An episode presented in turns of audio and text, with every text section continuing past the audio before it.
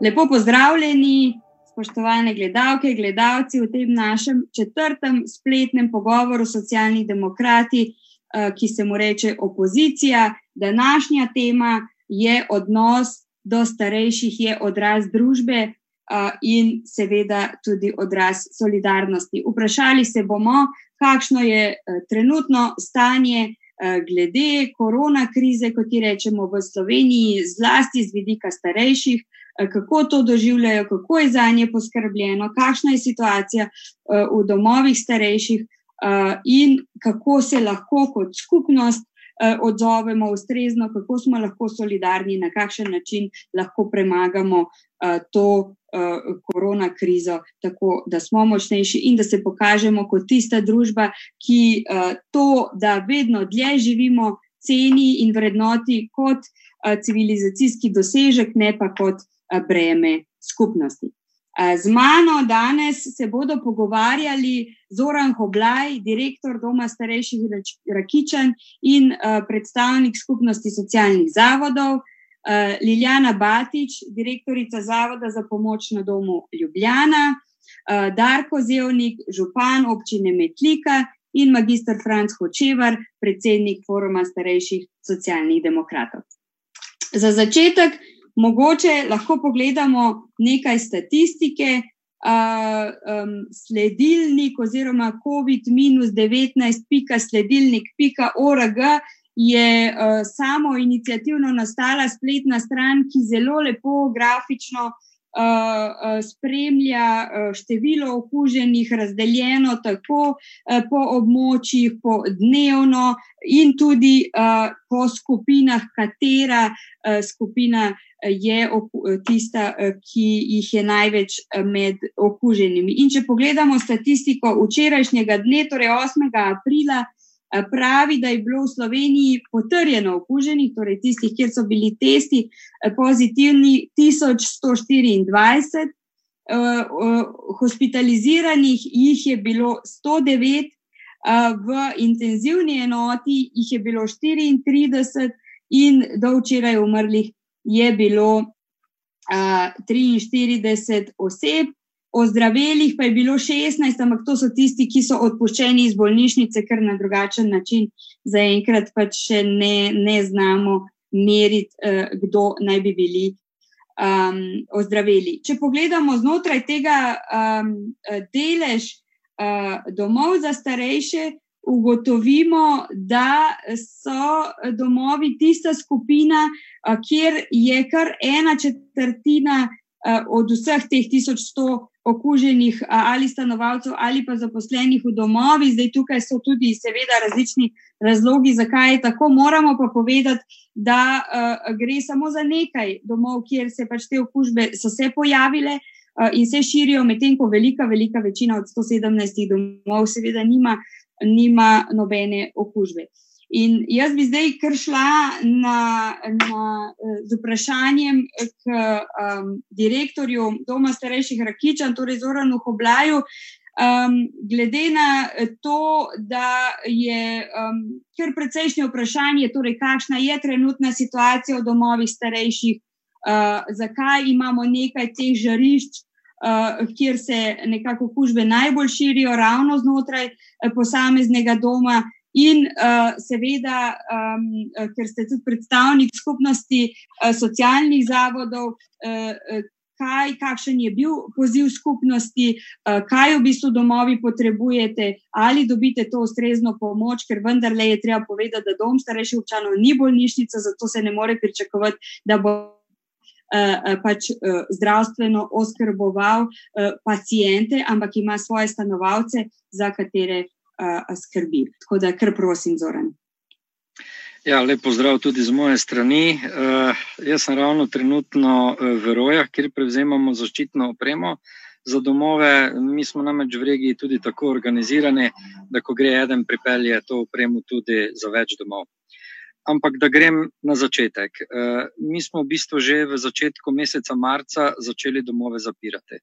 Se pravi, tako da smo prepovedali obiske svojcem, potem pa smo v zelo kratkem času tudi prepovedali izhode stanovalcem, ker smo seveda ugotavljali, da ti um, hodijo ven in se tam srečujejo z svojci, seveda so pa hodili tudi po trgovinah in pa lokalih. Uh, nadaljni ukrep pa je potem bil tudi uh, prepoved vnašanja različnih paketov in predmetov, uh, tako da smo pravzaprav v začetku uh, upoštevali vsa navodila pristojnih institucij, uh, seveda tudi vsi varnostni ukrepi pri zaposlenih in stanovalcih, kar se tiče osebne higiene, razkuževanja rok, umivanja rok, meritev temperature zaposlenim ob vhodu v stavbo. Vse to je že bilo spoštovano od samega začetka, in ti ukrepi so se mogoče v začetku zdeli uh, ali pretirani ali zelo strogi. No, danes pa lahko povem, da uh, je v redu, da smo jih na tak način izvajali, kajti kot je bilo že povedano, uh, mi res imamo neka žarišča v domovih, ampak v celi Sloveniji le v treh domovih. Uh, vsi ostali domovi, nekaj jih je z par okužbami, ostali pa sploh brez okužb. Dejstvo je, da se v domovih okužbe hitreje širijo, ker prihaja do neposrednih stikov med eh, oskrbovalci in pa med stanovalci. E, tako da to je logična posledica tega, ko enkrat COVID-19 pride v dom. E, mislim pa, da smo domovi zelo uspešni pri preprečevanju širjenja tega virusa, kajti če pogledamo samo statistiko, so vsi ostali domovi v dobrem stanju, okužb ni. Uh, je pa res, da smo mi na skupnosti socialnih zavodov opozarjali že od samega začetka, da mi pač nismo zdravstvene ustanove, ampak socialno-varstvene ustanove in da nam eh, manjka tako personala, tako prostorskih pogojev, kot tudi zaščitne opreme za obravnavo okuženih z COVID-19. In eh, to je pravzaprav povzročalo pri nas tudi zelo veliko stisko, in videli smo tudi v praksi, kaj pomeni, ko enkrat virus pride v dom. Takrat, eh, pravzaprav, kljub vsem ukrepom, kljub temu, da imamo spostavljene tri cone eh, za usumljene z okužbo, za okužene in pa za tiste zdrave, na koncu pride do problema prostorskega pomanjkanja in mešanja enih in drugih. In to pravzaprav ni dobro. Naše mnenje je tudi bilo, da se naj eh, stanovalci ne vozijo ven iz domov. Tako da kar nekaj teh pripomb za strani skupnosti smo mi podali. Uh, um, hvala lepa, Zoran. Mogoče samo še eno pod vprašanje, ali uh, se zdaj v zadnjih 14 dneh um, dogaja ta podpora strani zdravstvenega sistema, torej ali je zagotovljen uh, dodaten kader, ali je zagotovljeno dovolj opreme. Eh, ali so tisti, ki nujno potrebujejo bolnišnično zdravstveno oskrbo, tudi prepeljani v bolnišnice, ali se to še zmeraj ne dogaja, ali pa ne v dovoljšnji meri. Uh, jaz moram povedati, ravno zdaj smo prevzemali tudi to posebno zaščitno opremo, tako da tukaj uh, je ministrstvo in za zdravje in naše resorno ministrstvo prisluhnilo našim zahtevam, tako da se zdaj spostavlja tudi ta del opreme in zagotavlja Um, zdaj, tisti, eh, mi seveda imamo še vedno stanovalce pri nas, ampak tisti, ki potrebujejo uh, zdravstveno, nujno zdravstveno skrbo, se pravi, priključitev na respiratorje, tisti se pošljajo v bolnice. Uh, vsi ostali, ki pa nimajo težav, ki imajo lažja. Uh, oziroma ne lažje obolenje, ampak lažje posledice, ali pa jih sploh nimajo, ostajajo v domovih. Je pa nekaj problema bilo uh, z kadrom v Ljutomeru, ampak po včeraj znanih podatkih so jim ta kader zagotovili. Kajti z strani Ministrstva za zdravje so imenovani tudi koordinatorji, ki imajo nalogo zagotavljati kader. Nam je pa malo bilo čudno eh, ravno to, da ko smo iskali kader, ga v začetku nismo mogli dobiti, predvsem dom starejših Ljutomer, govorim. Mhm. Zdravstvo namreč trenutno v določenem delu eh, ne obratuje, eh, stoji in čakajo delavci na delo, zato so tista navodila, ko je Ministrstvo za zdravje izdalo, da zdravstvo mora zagotavljati kader tudi za domove za starejše, pravzaprav uh, obvezno. In uh, tukaj moramo strajati na tem, da se zdravstveni kader v domove zagotovi. Mhm. Hvala lepa. Eh, zdi se mi zelo pomembno, da tako iz prve roke slišimo, pa še hvala res za to vključitev, glede na to, da ste na terenu in da, in da je res pač, se vidi, ne, da, se, da se pač neprestano dela in, in uh, preskrbuje. Uh, zdaj bi šli pa um, kar k uh, županu Zevniku, a ne Metlika je bilo je tisto območje, kjer so se v bistvu pojavile prve okužbe, potem, eh, ko, ko je pač zbolel uh, zdravnik, ne tudi v, v domu starejših, to je bilo prvo tako žarišče, in tudi potem uh, znotraj kraja, pa me zanima, in, in uh, ne. Um, Občina je tista, ki je potem vedno prva, a ne se vključi uh, lokalni štab civilne zaščite in seveda župan. A ne pa me zanima najprej prej malo, uh, kako je vse to izgledalo takrat, potem pa tudi, kje smo pa danes, katere stvari so se odvile, kakšna je situacija v Metliki danes. Ja, lep pozdrav vsem skupaj. Eh, pri nas se je res zgodil ta najslabši možni scenarij. Zdravnik, eh, ki je zbolel, je štiri dni opravljal svoje delo in šele peti dan, ko je zaznal simptome pri sebi, je odšel na testiranje. Kar je še slabše, da ta zdravnik pokrival tudi dom starejših občanov in je dva dneva delal v samem domu in bil v neposrednem stiku z stanovalci doma. Eh, moram reči, da to se je zgodilo na petek, ko smo dobili informacijo. Mi smo v tistem trenutku praktično ostali brez zdravstvenega doma, brez zdravstvenega osebja in tudi delo v samem domu starejših občanov se je postavilo na glavo. Eh, že takoj v soboto smo imeli prvi sestanek po telefonih z, šta, z štabom civilne zaščite, predvsem smo tukaj angažirali Rdeči križ in od ponedeljka dalje smo že izvajali določene aktivnosti. Eh, lahko rečem, da smo kar nekaj časa sedeli skupaj z koordinatorjem, ki je bil potem imenovan za zagotavljanje kadra za zdravstvene domove, ker ti zbolevali so tudi eh, delavci v zdravstvenem domu, ne se upravičujem, v domu starejših. Uh mhm. -huh. Ne sicer vsi zaradi COVID-19 virusa, ampak tudi zaradi ostalih zadev. In v določenem trenutku je bila direktorica celo prisiljena vpeljati 12-urni delovnik. Tako da potem po dogovorih lahko rečem, da smo dobili pomoč strani ostalih zdravstvenih zavodov in sedaj se izmenjujejo zdravstveni dom Metlika, zdravstveni dom Črnomel, zdravstveni dom Novo mesto in splošna bolnica Novo mesto. Vsak zagotavlja dodaten kader en teden in se potem te osebe zamenjajo. Ravno tako strani civilne zaščite oziroma Rdečega križa pa zagotavljamo vso preostalo logistiko za dom starejših občanov, kar pomeni, da smo prevzeli razvoze hrane na domove, da poskrbimo, da gremo v roje po dodatno zaščitno opremo, praktično vse, kar oni potrebujejo, smo prevzeli za prostovoljci. Ravno tako pa štiri prostovoljci dnevno sedaj se srečujejo s stanovalci, so poskrbeli za njihove videoklice, za stike z domačimi in jih v teh lepih sončnih dnevih tudi peljejo na sprehod. Smo posebej še eh, ogradili del uh, ceste uh, pred domom starejših, tako da imajo večji prostor za gibanje in lahko rečem, da po tistih hudih prvih tednih sedaj življenje nekako prihaja v normalo. Eh, eh, hvala lepa, um, ker pa je uh, kar precejšen delež starejših, a ne doma, seveda niso, a ne nekje okrog pet odstotkov uh, starejših je v, uh, v domovih, ostali so pač doma in tudi doma marsikdo od starejših potrebuje dodatno uh, oskrbo, uh, pomoč, uh, zato imamo vzpostavljeno pomoč na domu in um, Zavod za eh, pomoč na domu Ljubljana je največji v državi, si drznem trditi, ne, ki izvaja kot samostojni, izvaja pomoč na domu.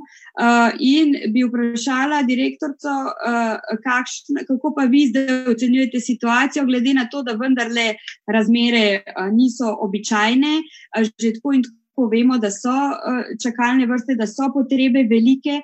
Eh, po to vrstni oskrbi, zdaj je pa situacija nekoliko drugačna, tudi uh, uh, pač seveda zaradi tega, ker so pozivi tudi svojcem ne hoditi k, k svojim starejšim, ker je možnost okužbe toliko večja, ker so to tista najranljivejša skupina in ker so starejši pač doma, a ne torej še bolj potrebni pač te zunanje, zunanje pomoči.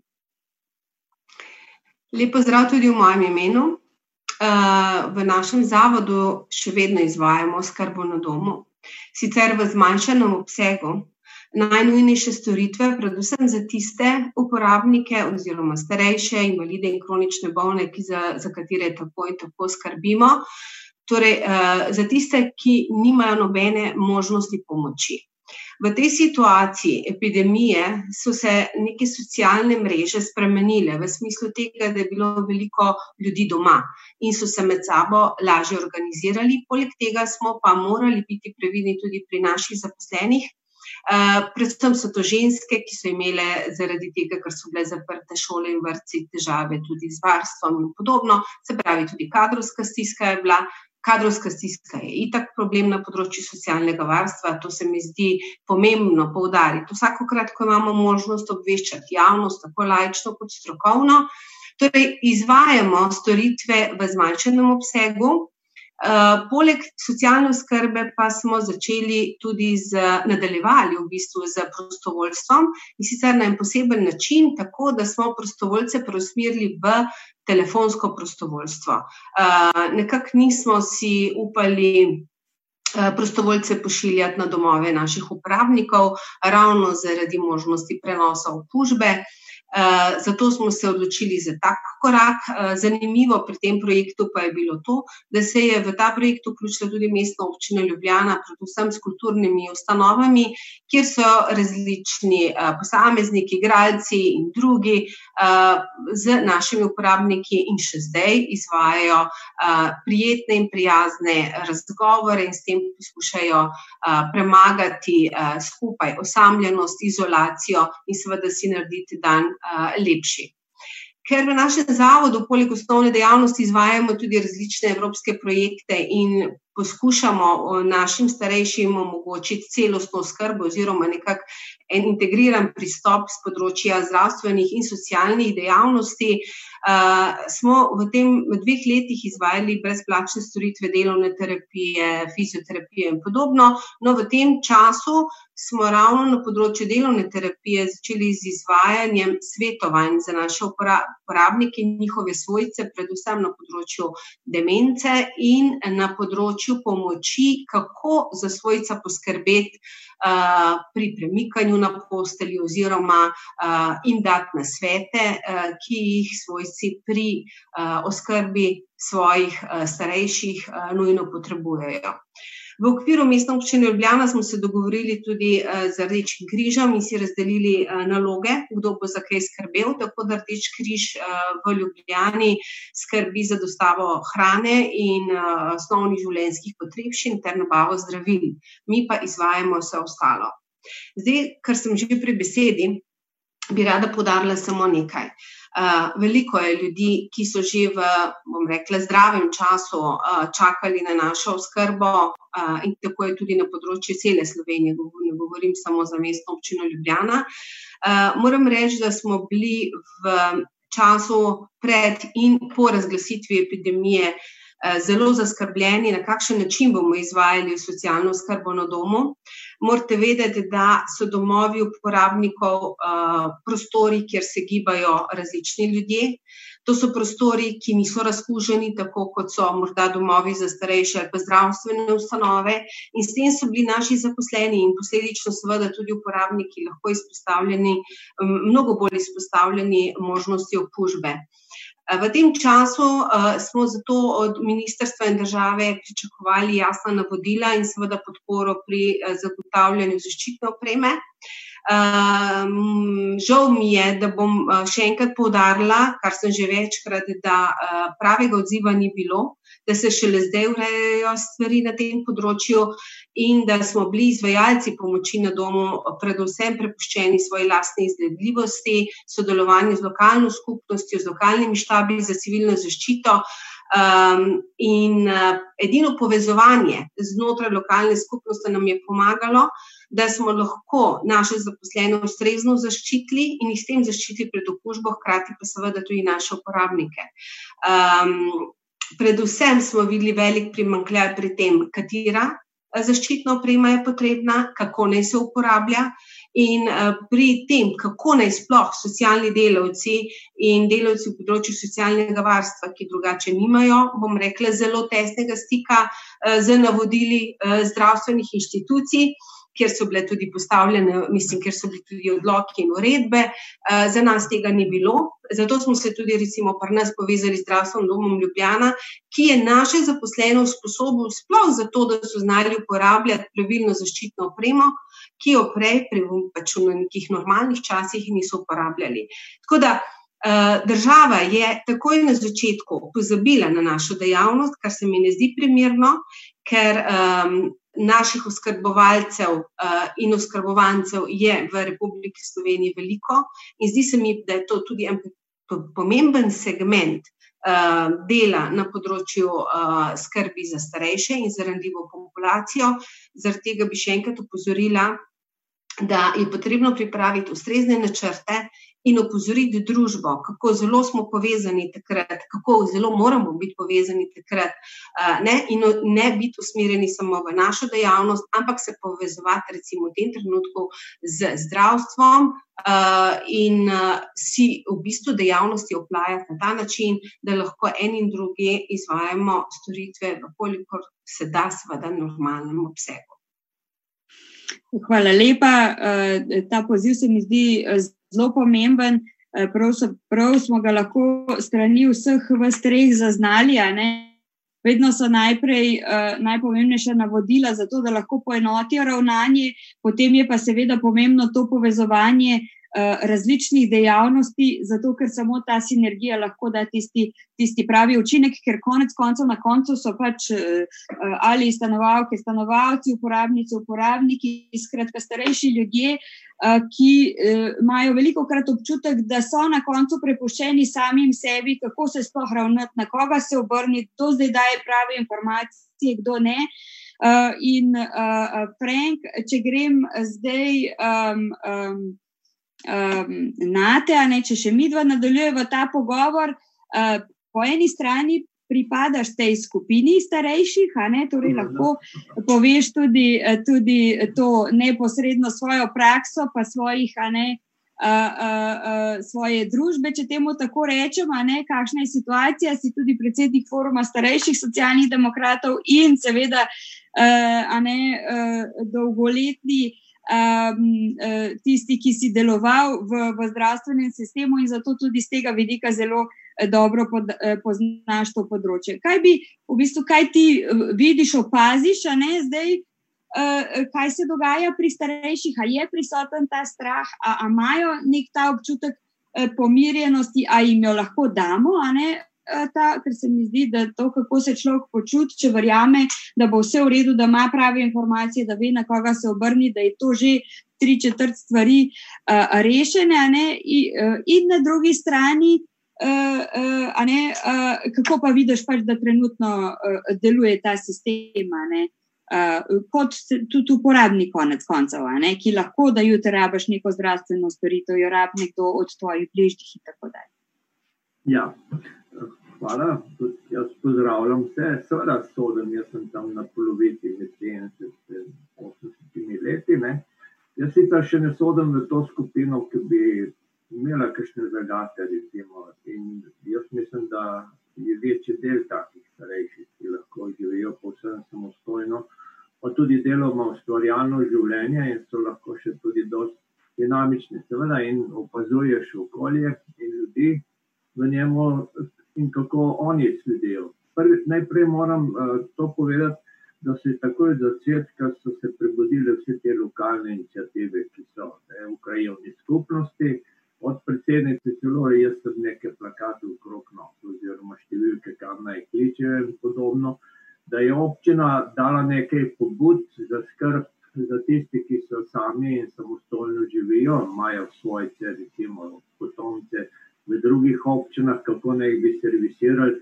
Ta pomoč se je začela razvijati zelo, zelo direktno, ali rabite kaj, ali ne rabite nič, ne, ampak ne samo, pridemo in tako naprej. Kratka, marsikaj, kar se je razvilo v tem kratkem obdobju in se bo še razvijalo naslednji mesec, bi bilo smiselno uporabiti pri pripravi kot temeljno izhodišče zakon o dolgotrajni negi in oskrbi. Definitivno vse te slabosti, recimo, ki govorijo o ranljivosti starejših. Jaz eh, se bojim edino enega problema o tej gradaciji, ki bo pa nastopil kasneje. Ne. Uh, v zdravstvo, zdravstveno storitev potrebujemo pretežno starejši. Hvala Bogu, da se to ostali ste več ali manj zdravi, z leti pa pride do tega stanja, kako se bo servis zdravstvene storitve organiziral, ko bomo gotovo plasno pokriti tisti, ki so izpadli zdaj zdravstvene storitve, tisti, so, pri katerih so nastopile nove okoliščine, ko potrebujejo zdravstveno storitev in seveda vsi tisti, ki še čakajo. In če se zdravstvo ne bo posebej pripravljeno na to stanje, seveda bomo najkrajšo potegnili ravno starejši kot sem že rekel, mi smo tisti potrošniki teh zdravstvenih storitev. In temu vprašanju bo potrebno v prihodnje posvetiti posebno eh, pozornost in narediti eh, vrsto različnih oblik triaže, od tehnične do stvarne, in da se pošteno delo pravi tukaj. Sicer bodo ti sekundarni zdravstveni problemi še kako stopali v spredje, nekateri že stopajo, ki so posledica nasilja, ki nastaja zdaj v teh specifičnih okolicah, so posledica usamljenosti in so posledica spremenjenih zdravstvenih eh, stanj posameznika. In temu bi morali že zdaj jasno najti odgovore. Kar se pa ti izkušenj, recimo, ki jih imam kot uh, upokojenc, ki sem uh, na nek način, ne vem, ali degradiran ali privilegiran, to mi je določeno uh, relativno, uh, recimo, skromen čas za trgovine in druge servise, ki jih potrebujem. Mislim, da ga je treba malo raztegniti. Namreč starejši ne kupujemo počasneje, se ne obrnemo tako hitro uh, okrog. Ne. In ta naša senzibiliteta recimo, je dosta specifična. Tudi nekorektna je omejitev gibanja v okviru svoje občine in podobno brez stika z kajsom, izvorom svojega življenja, recimo, ne, in tako naprej, ima si doma kakšen vikend, pa vrto krok, pa zidancev, pa kaj treba v eno grado narediti in podobno. Moram pa reči, ko sem naslavljal uh, prošnje, ali grem lahko na različne institucije, da sem dobil posod hiter in zelo uh, bluden odgovor, ki mi je skladno z uredbo omogočal, da sem Eh, potoval naokrog po Sloveniji, skratka, za zidence in podobno. To je, če ne želo, da gre za dober občutek. Kar se uh, tiče ukrepov, nasploh bi pa rekel, da so v glavnem dobri. Najslabši je tisti del, ko se stroka spolitizira. In to je ta najbolj problematični del in stopa v politično interpretacijo. Najslabši je seveda pa vsem tistem, pa je, ko nas skušajo z razlagami za, za neumne, kot da ne razumemo političnih posegov in ponudbe in političnih nesporazumov, zlasti med stroko recimo, in politiko. Mislim, to pa je slaba popotnica za vsakega tezga, ki skuša na ta način eh, komunicirati.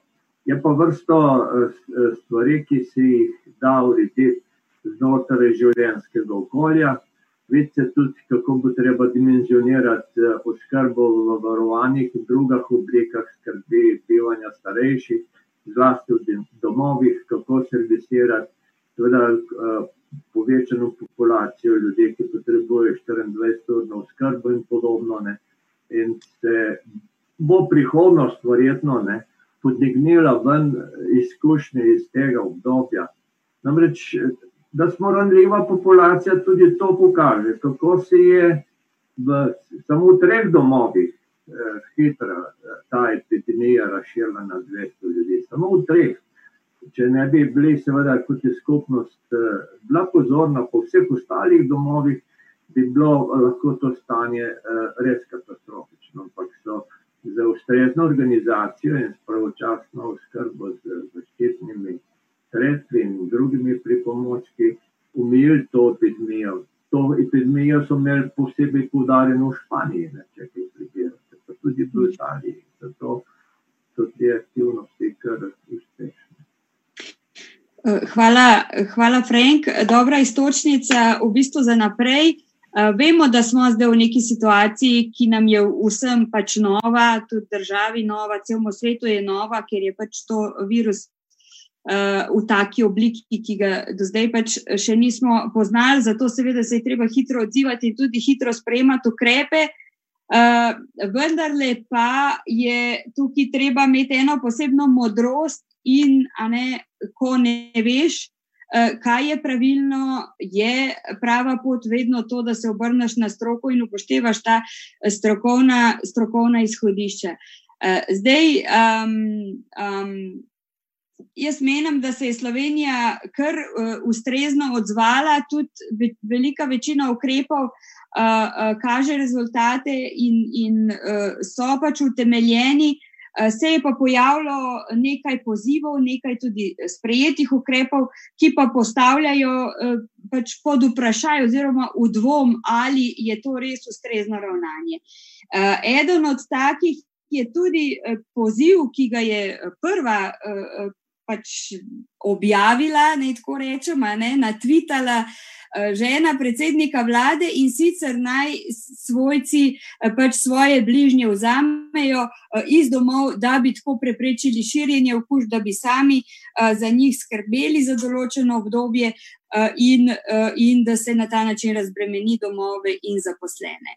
Um, na prvi pogled, seveda, plemenit poziv, ki pa lahko za sabo potegne v resnici zelo katastrofalne posledice, in se lahko dotaknemo tistega izreka, ne, da je lahko tudi pot v pekel tlakovana z dobrimi nameni, če sem, če sem malo drzna. Um, namreč, uh, uh, ko uh, gre nekdo v, v dom za starejše, zato vedno obstajajo kar precej utemeljeni razlogi. Uh, uh, ponavadi um, je to, uh, da potrebuje zraven še dodatno oskrbo oskrbo, da svojci ne morejo eh, sami več skrbeti za to osebo. Lahko se pojavi poleg drugih bolezni tudi demence. Eh, odnosi eh, so, so napeti pod vprašanjem, izgorelost svojcev je zelo velika.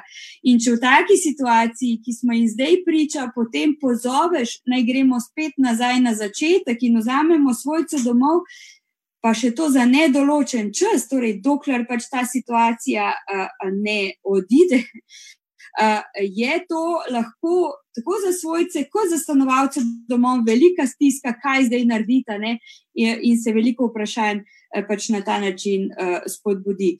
Uh, uh, tako da, um, uh, direktor Hoblaj, mogoče prvo uh, vaše mnenje glede tega, jaz vem, da je pač skupno zauzela tukaj stališče, da se ne bi, a ne jih nikamor premeščal stanovalcev, pa vendar, a ste zaznali kakšno, kakšno spraševanje svojcev, ali so šli ljudje domov, oziroma so se pojavile kakšne te, te stiske, kaj pa zdaj, kaj je res najbolj pametno narediti v teh situacijah. Ja, tako kot je bilo povedano, mi smo ob tem pozivu, eh, da naj svojci vzamejo eh, stanovalce izven domov, eh, opozarjali tudi na posledice tega. Ne? Mi v bistvu moramo zaračunati celotno storitev, odbije se samo kosilo in to seveda še naprej potem pomeni breme za svojce. Poleg tega je najbolj pereče vprašanje to, da kasneje uh, stanovalec ne more priti nazaj, kadar se on to želi, ampak šele takrat, ko bo uh, konec razglasitve epidemije. In uh, ob dejstvu, da svojci že tako ali tako ne razpolagajo z nekim strokovnim znanjem, ob dejstvu, da je v domovih večina stanovalcev takih, ki rabijo višjo obliko oskrbe in pa zdravstvene nege, si pravzaprav težko predstavljam, da bi masovno jemali uh, te ljudi iz domov. Um, po meni znanih podatkih se to tudi ni zgodilo v praksi, samo nekaj svojcev je odpeljalo uh, svoje starše domov. Um, in to mislim, da je več ali manj jasno tudi svojcem, da to predstavlja bistveno več težav, kot pa če svojce pustijo pri nas v domovih. Dejstvo je, da smo uh, domovih dobro poskrbeli za vse varnostne ukrepe, tako tudi za naše stanovalce. Organizirali smo se na nek nov način, vsi bomo morali iz te zgodbe odnesti neke izkušnje. Konec koncev smo se znašli prvič v taki situaciji. Razumemo tudi, da je v začetku bilo nekaj zmede pri navodilih strani pristojnih, ampak zdaj le se nekako zadeve postavljajo na svoje mesto. Tudi virus, kot si sama povedala, je uspešno zajezen. Jaz upam, da se ne bo hitro širil naprej. Ukrepi, ki smo jih izvedli, so tudi prinesli neke rezultate. Seveda, zelo pomembno je to, kakšne izkušnje bomo odnesli iz te situacije in kako bo zadeva potekala naprej. Jaz mislim, da je ena od sporočil, ki jih moramo potegniti iz te krize, da je treba urediti situacijo v domovih, tako glede kadra, tako glede prenove domov in tako glede zagotavljanja vseh pogojev za delo. Ja, Frank, prosim. Si želel odziv, samo zvok, prosim? Ja, ja sam bi dodal, ne, da je večina ljudi doma čakala, da jih bodo poklicali nazaj, ker se bodo začeli ti ukrepi blažiti in se bodo začeli vključevati, najprej industrija in potem kaj se in kako še naprej. In seveda, nihče od svojcev ne more zagotoviti oskrbe, če bi ga vzel iz doma za tisti čas, ko naj bi veljala ta omejitev kontakta doma ali pa stanovalcev doma z okolico. Ta bo verjetno najdlje trajala, ker so pač tam najbolj občutljive skupine ljudi in bi bilo vsako tveganje, ne samo za, za oskrbovance doma, ampak tudi za svojce doma, kaj bo z njihovo, njihovim delom in obveznostmi, ko se bodo morali vključevati. Kajti tam napovedujejo, da so da te ukrepe začeli sproščati že naslednji teden. In kako naj gredo ljudje v to tveganje. Ta predlog je pač zelo simpatičen, tak zanimiv, ne, da bi pokazali eno empatijo do svojih staršev in podobno, ampak okoliščine, ki so jih na nek način prisilili, da so mogli dati svojega očeta ali mater v dom, ne, se niso bistveno spremenile. Ne. V domih, v domovih, vemo, so samo še tisti, ki potrebujejo strokovno pomoč, varovanje in oskrbo. Dom je pa bil mlad sam od začetka, včasih, ne, smo rekli, da dom je od začetka tak živahen. Ko se pa dom, ko pa ima pa dom zgodovino za sabo, deset, petnajst let, pa tam ti starejši, nepokrepni, nujno potrebni pomoči. Namreč jaz sem se ukvarjal tam v v osemdesetih letih z domovi, ko so prvi postavljeni. Že takrat je bila ta dilema, kateri dom bo lahko tak, da bo noter, da bodo ljudje not stanovali, ki bodo še živahni in polni aktivnosti. Predvsem si um, vsi ljudje Um, zlasti pa, seveda, starejši ravno tako zaslužijo aktivno in polno življenje. Ne? In ravno to je namen različne vrste uh, v bistvu, uh, uh, oskrbe ali v domu uh, ali na domu, ne? če, če uh, živiš doma ali pa pač znotraj skupnosti, ne, da so lahko ljudje kar se da dolgo aktivni, ker te to ohranja, a ne tako pri vitalnosti, pri boljšem zdravstvenem, psihofizičnem počutju in nasplošno pri delovanju v družbi.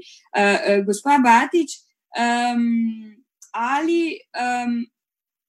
ali opažate, um, um, torej, a se, ker ste omenili uh, ta družabni uh, telefon, telefonsko prostovoljstvo, kamor se vključujejo tako uh, kot prostovoljci, tisti zaposleni znotraj uh, kulturnih zavodov, znotraj Mola in drugi, kot uh, to, da lahko starejši med sabo, a ne se pogovarjajo, tudi če se ne poznajo na ta način, a ne funkcionirajo. Torej, Ali se kaže ta potreba, kakšen je odziv, odziv na ta telefon, in ali mogoče zaznavate ta strah da starejši sploh v bistvu ne upajo, ne grejo ven iz stanovanj, kljub temu, da recimo sprehod v naravi je nekaj, kar je tudi v tej situaciji zelo priporočljivo, če seveda upoštevaš pač vse uh, uh, preventivne um, uh, um, ukrepe, ampak zato, da ohranjaš pač to neko kondicijo, ki je nujno potrebna pač, ne, uh, v življenju.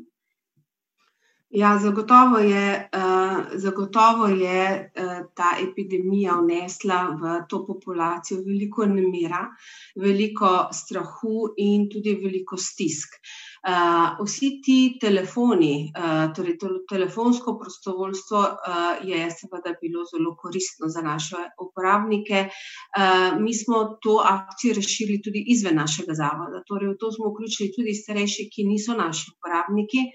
Eh, ravno zaradi tega, ker smo to stisko zaznali širše.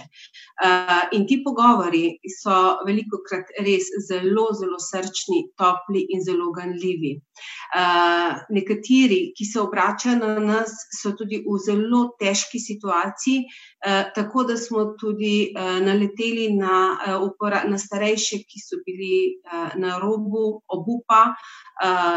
Na nek način smo iskali potem tudi ustrezne psihiatrične pomoči in na nek način tudi rešili življenja. Um, ne ponujamo samo to vrsto pomoči, ampak tudi naši strokovni delavci, ki imajo zdaj zmanjšan obseg dela, ravno zaradi tega, ker je manj socialne oskrbe, neposrednega dela na terenu, kličejo naše uporabnike in preverjajo, kakšna je situacija pri njih, kako se počutijo. Ravno tako jim dajemo ustrezna navodila. Uh, imamo, tako kot sem rekla, strokovnjake z področja projekta in tudi znotraj imamo nekatere zaposlene, ki so vešči, uh, bom rekla, nekih zdravstvenih. Um, um, na svetov, kjer lahko, bom rekla, na nek način našim uporabnikom ponudimo te storitve. Hkrati jih tudi usmerjamo na vse ustrezne institucije, kamor se lahko obrnejo, če potrebujejo še specifične vrste pomoči. Tradicionalno zelo dobro sodelujemo tudi s patronažno službo, tako da se tudi med, na, na tem področju povezujemo, informiramo uh, in obveščamo o tem, kdo, kdaj, kaj potrebuje. Tako da zagotovo je epidemija. Opozorila uh, na uh, širši, širši, širši spektr potreb starejših. Torej, ni samo ena fizična oskrba dovolj.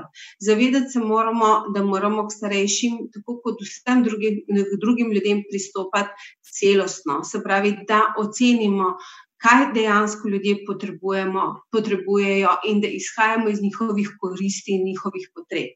Širše, seveda, in po koncu epidemije je pa naloga države že dolga leta to, da uh, uresniči potrebno zakonodajo, ki bo omogočala starejšim varnost in mirnost, ne samo njim, ampak tudi svojcem, in jim omogočila več vrst pomoči, in možnost izbire v smislu dostojanstvenega staranja in seveda spoštovanja človekovih pravic.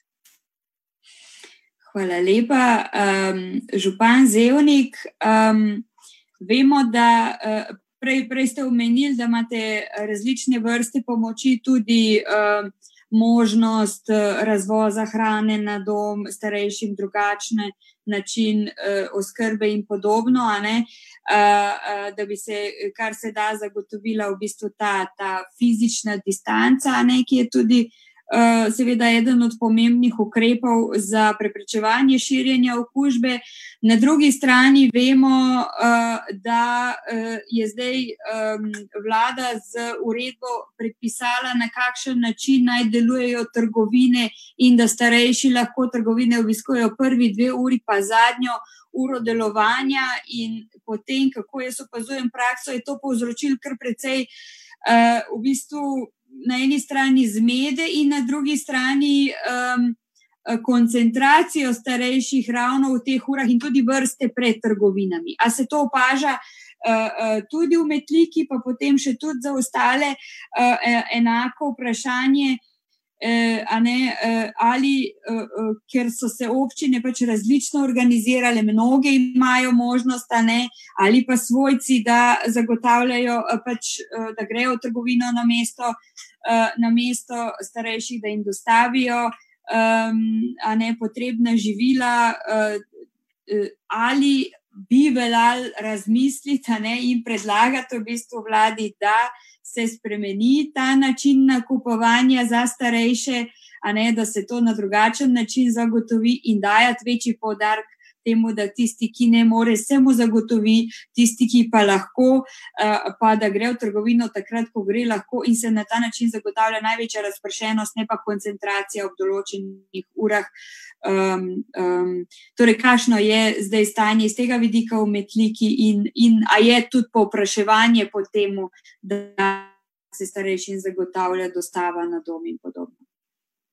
Ja, je. Poleg eh, že prej omenjenih eh, štirih prostovoljcev, ki so vse čas, oziroma večje število prostovoljcev v domu starejših, eh, imamo dnevno vsaj še 40 prostovoljcev, ki pa skrbijo za ostale, ki so na domovih. Ali je tukaj razvoz toplih obrokov, ali obisk trgovine, tudi zdravila se prinašajo vse to nekako poteka. Zdaj pa drugi del vprašanja, te dve uri, ki sta rezervirane v dopoldanskem času, so premalo. V tem času namreč opažamo vrste pred trgovinami, v popoldanskem času so pa trgovine prazne. Tako da mogoče bi res bil apel, da se te dve ure podaljšajo vsaj na 4 do 12 ure. V tem času bomo lahko nekako razporedili eh, obiske starejših. Ker ravno danes smo dobili informacijo strani vlade, da je kar nekaj klicev bilo iz naše občine, da starejši ne upoštevajo teh navodil in grejo v trgovino tudi izven tega časa. Ampak to je enostavno zaradi tega, ker zjutraj ob osmih je takšna vrsta, da gre nekdo domov, pride potem ob pol desetih, petnajst do desetih nazaj in zopet je vrsta in takrat, ko pride v trgovino, pa je že ta ura minila. In kolikor nekdo pride deset pa pet, mu je to že lahko moteče. Mislim, da moramo v tem času biti malce bolj strpni, malce bolj odprti in ne strogo določiti, da je pa res deset nič, nič pa več ne sme biti noben notar. Absolutno treba ta čas eh, podaljšati, eh, vsi ostali se bomo pač temu prilagodili in tudi trgovine bojo dosti lažje delale, kot pa delajo v zdajšnji obliki. Mhm. Hvala. Frank, ja? Ja, samo en stavek. Namreč ravno ti ukrepi so subtilni, koliko časa bo trgovina odprta, pa dostopnost do drugih. Ne. To bi morala prepuščati lokalnemu okolju. Oni znajo presoditi, kdaj so te obremenitve velike, kdaj manjše, koliko je potrebno pozornosti posvetiti tem vprašanjem. In ta avtonomija, ki se jo že zdaj pokazali, župani in tudi direktori domov, ne, je tukaj pokazala kot nujno potrebna in bi morali imeti pravzaprav tudi v takih razmerah večja pooblastila. Ljudje, ki stvari poznajo v život, kaj se tam uh, dogaja. Ja, se mi zdi zelo razumen uh, poziv, upam, da bo tudi naletel na, na prava ušesa. Uh, kar se je pa pozitivnega v tej situaciji pokazalo, pa je to, da se vendarle tudi kot skupnost povezujemo, organiziramo, da je uh, veliko uh, v bistvu, ali pa ne, izvablja to, kot na eni strani. Eh, kaj slabega iz ljudi, tudi veliko pozitivnega, da smo ljudje pripravljeni pomagati drug drugemu, se povezovati ne, v okolici in prispevati, kar lahko. Tudi socialni demokrati smo tukaj prispevali svoj del, in e, nudimo pomoč vsem tistim, zlasti starejšim, ki jo potrebujemo, tako da na mesto njih upravimo nakupe in jim hrano e, dostavimo na dom. Tako da vsi, ki e, potrebujete to vrstno pomoč, lahko pokličete številko nič 31 775 400 bo tudi objavljeno, ali pa greste na našo spletno stran. Pojavilo se je pa tudi mnogo drugih, veliko nevladnih organizacij znotraj občin, inicijativ, ne, same občine, kako se organizirajo, tako da se res kaže tudi ta solidarna, solidarna plat, da vendarle je solidarno še vedno. Za nas ena, ena temeljnih vrednot in mene to izjemno veseli. Ne izkoristim zdaj tudi, eh, eh, tudi to istočnico za to, da napovem naš pogovor prihodnji torek, ki pa bo ravno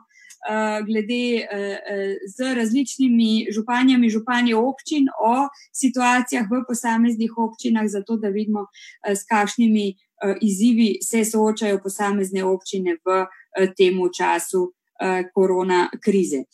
Za konec bi jaz naredila še en krok z, nekateri ste se že dotaknili tega, pa vendarle, a ne kljub temu, da smo zdaj v neki uh, um, izredni situaciji, kjer se je treba hitro odzivati, je pa tudi pravi čas, ker veliko stvari ugotavljamo, ne, zato da se vprašamo, kaj potem.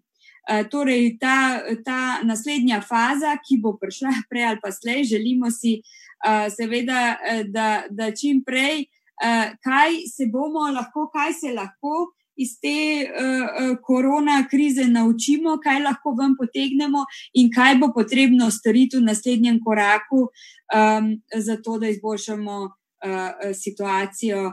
Ali pa da bomo naslednjice lahko uh, zelo organizirano takoj odzvali, kot družba, kot država in kot uh, skupnost, kot taka. Uh, mogoče zoran uh, z vidika domov, neki si že omenil, pa mogoče res uh, uh, uh, kaj, kaj konkretno, vendar je tudi vprašanje zdaj, uh, a ne en teden, dva, štiri tedne, nekako se še zdrži, če pa taka situacija traja predolgo časa, se soočamo tudi z izgorelostjo kadra, z drugimi težavami, ki, ki nastopijo. Ne, na katere pač v, v, od začetka ne računamo, oziroma se pač z njimi ni treba soočiti, potem pa ja. Torej, kako potem naprej, ko bo tega enkrat konec? Jaz mislim, da predvsem moramo nekaj spoznati, eh, da moramo uh, priti iz te krize kot boljša družba. Uh, zdaj, uh, to se že kaže zdaj z nekimi donatorji, z solidarnostjo uh, raznih uh, podjetij, posameznikov. Jaz moram povedati, da smo v našem domu prejeli kar veliko donacij. In vso to pozitivno energijo je kasneje treba usmeriti v sprejetje novega zakona o dolgotrajni oskrbi, ampak ne takega, ki nas bo zadovoljil na papirju in kot opravljeno delo, ampak takega, ki bo res usmerjen v ljudi in vsakega posameznika. Če to ne bomo storili, bomo pogrnili na tem izpitu, in eh, kot družba se moramo odva, odmakniti od eh, potrošništva, od materializma in več usmeriti v človeka, v njegovo boljše počutje, kajti samo tako bomo rasli kot družba. E, ta kriza in stanje v domovih, tudi v tujini, je pokazala, da rabimo javno zdravstvo in da rabimo javne domove. S tem seveda negiram, e, ne, ne negiram e, privatne domove, ampak sistem storitev mora izhajati iz javnih storitev. In to je treba podpirati še naprej. Kajti za me je eno od najhujših dejstev bilo to, da zasebne bolnice v nekaterih državah niso sprejemale okuženih z COVID-19 in stanje v nekaterih domovih, kjer je osebje zapustilo domove.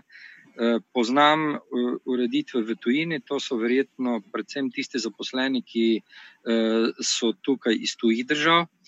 Slovenija za zdaj teh problemov še nima, seveda pa prihaja pomankanje kadra na naš vsak dan je problem uh, že in bo v bodoče še bolj aktualen, zato je treba temu nameniti veliko pozornost, plačati ta kader, zagotoviti večjo, uh, večji kadrovski normativ v domovih, um, kaj ti prihaja najbolj številčna generacija, za katero bo potrebno poskrbeti.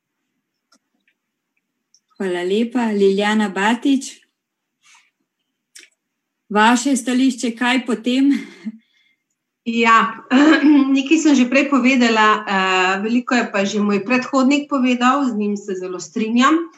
Uh, povedala bi, dodala bi le to, da se je v tej krizi tudi izkazalo, kako zelo je ta kader, ki skrbi za starejše, tako na področju zdravstva, sociale, da ne govorim še o vseh drugih gasilcih, policistih in vsi tisti, ki smo skrbeli za so ljudi v tem času, uh, kako so pomembni za uh, družbo in za kakovostno življenje v tej družbi. Uh, še enkrat bom izkoristila to priložnost in povedala, da brez tega kadra ne moremo biti tako prijazna družba in da je treba ovrednotiti delo vseh teh ljudi, primerno in ustrezno.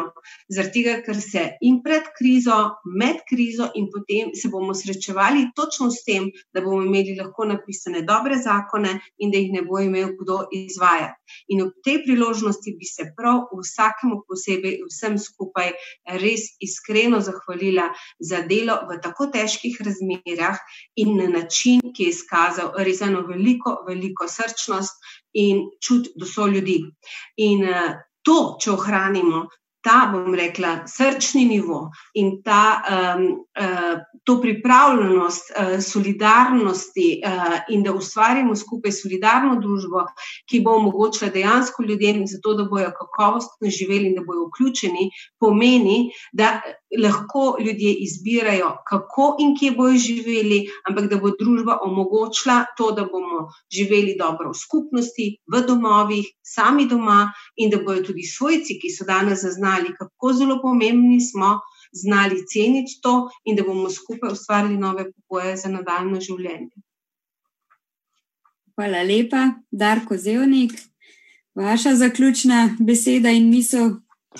Ja, jaz sem prepričan, da bomo iz vsega tega išli dosti boljši, kot smo bili pa na začetku. Jaz nisem imel nobenega dvoma, da bojo vse naše inštitucije odreagirale pravilno in to se je tudi zgodilo. Kar pa me je pozitivno presenetil, je bil pa odziv vseh ljudi, ki so v določenem trenutku izgubili svoje delo, ki so morali zapreti svoje lokale. V praktično naslednji dan so bili pri nas kot prostovoljci, so razvažali hrano, skrbeli za svoje someščane. Tako da tukaj je res ena velika zahvala vsem. Velika zahvala tudi predstavnikom gospodarstva. Brez njih v tistih prvih dnevih, brez njihovih zaščitnih sredstev, praktično ne bi zmogli. Vsa naša skladišča so bila prazna in donacije, ki so nam jih takrat dali, Eh, so bile zelo pomembne za nas. Sedaj se stanje tudi tukaj umirja, eh, vendar sem prepričan, da bomo se lahko na nek način zahvalili vsakemu, ki nam je v tistem trenutku stopil nasproti. In eh, še enkrat hvala vsem zdravstvenim delovcem, vsem negovalkam v domovih starejših, vsem osebju, ki res dela ogromno. Mi smo obmejna občina, na drugi strani meje v Republiki Hrvaški je nekaj privatnih domov.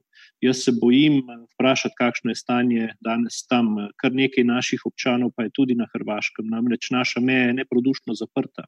Sedaj, če je nekdo zbolel v tem domu, so ga pripeljali sem v metlikov zdravnikov, danes to ni možno. Na kakšen način zdaj poskrbijo za te starejše in res moramo ohraniti naš javni sistem, tako domov kot zdravstva. Hvala lepa. V takih kriznih situacijah res najbolj pride do izraza pomen javnih sistemov uh, storitev. Vseh vrst, še posebej je pa tukaj zdravstvo in sociala tisto, ki vedno nosi največje breme in kjer se pokaže, da enaka dostopnost in enaka kakovost uh, za vse ni nekaj, kar je samo lepo reči, ampak je načelo, ki absolutno mora veljati drugače, pač kot družba. Ne moramo govoriti, da smo solidarna ali pa da poskrbimo. Za vsakega, in da se gremo enako vrednost. Frank, še tvoja zaključna eh, misel in beseda. Ja, tako da bom enem stavku se da povedati, sej, nič drugega, kot ste že dostalo razložili vse skupaj. Utrjevanje javnih servisov in služb na temelju solidarnosti, naša perspektiva ni drugje, sploh pa za socialno demokracijo. Tržne zakonitosti v sistemu zdravstva in socialnega varstva pač ne bodo funkcionirale. To dokazuje zdaj v zapadni svet in vse tržne, tržne eh, aktivnosti. Pa tudi danes berem, ne, temeljna skrb seveda tistih zasebnikov zdravstva je, kdo jim bo to plačal. Ne. Seveda jim bo plačal, ne, ampak na drugačen način, ne. jasno. Ne. Tržne zakonitosti pač v takih priložnostih in na tak način ne morejo zadovoljiti smotrov in človekovih pravic. Hvala lepa. Hvala lepa tudi vsem štirim sogovornicam in sogovornikom, da ste si vzeli čas, da smo lahko um, osvetlili uh, to problematiko oziroma odnos uh, do starejših kot odraz družbe v trenutni situaciji. Uh, jaz bi za zaključek rekla uh, samo tisto Pavčkovo, ta svet je lep, če si človek do ljudi. In izrekla eno veliko hvala vsem tistim, uh, ki danes pa tudi prej, in boste tudi vse čas kasneje vedeli, kakšen je pomen uh, tega stavka, kako pomembno je, da smo si ljudje med seboj, da se znamo povezati takrat, ko nam je težko, da znamo delovati skupaj kot skupnost in da nas to lahko dela samo močnejše, tudi potem, ko se bojo enkrat končala ta izolacija in bomo lahko nazaj deležni pristnih stikov, ne samo tako le nadaljavo. Do takrat nam pa pomagajo vse te online zadeve. Hvala lepa še enkrat. Um, želim vam zdravja, veliko energije uh, v prihodnje in vsem nam skupaj, da čim prej izidemo še močnejši iz te situacije. Hvala lepa.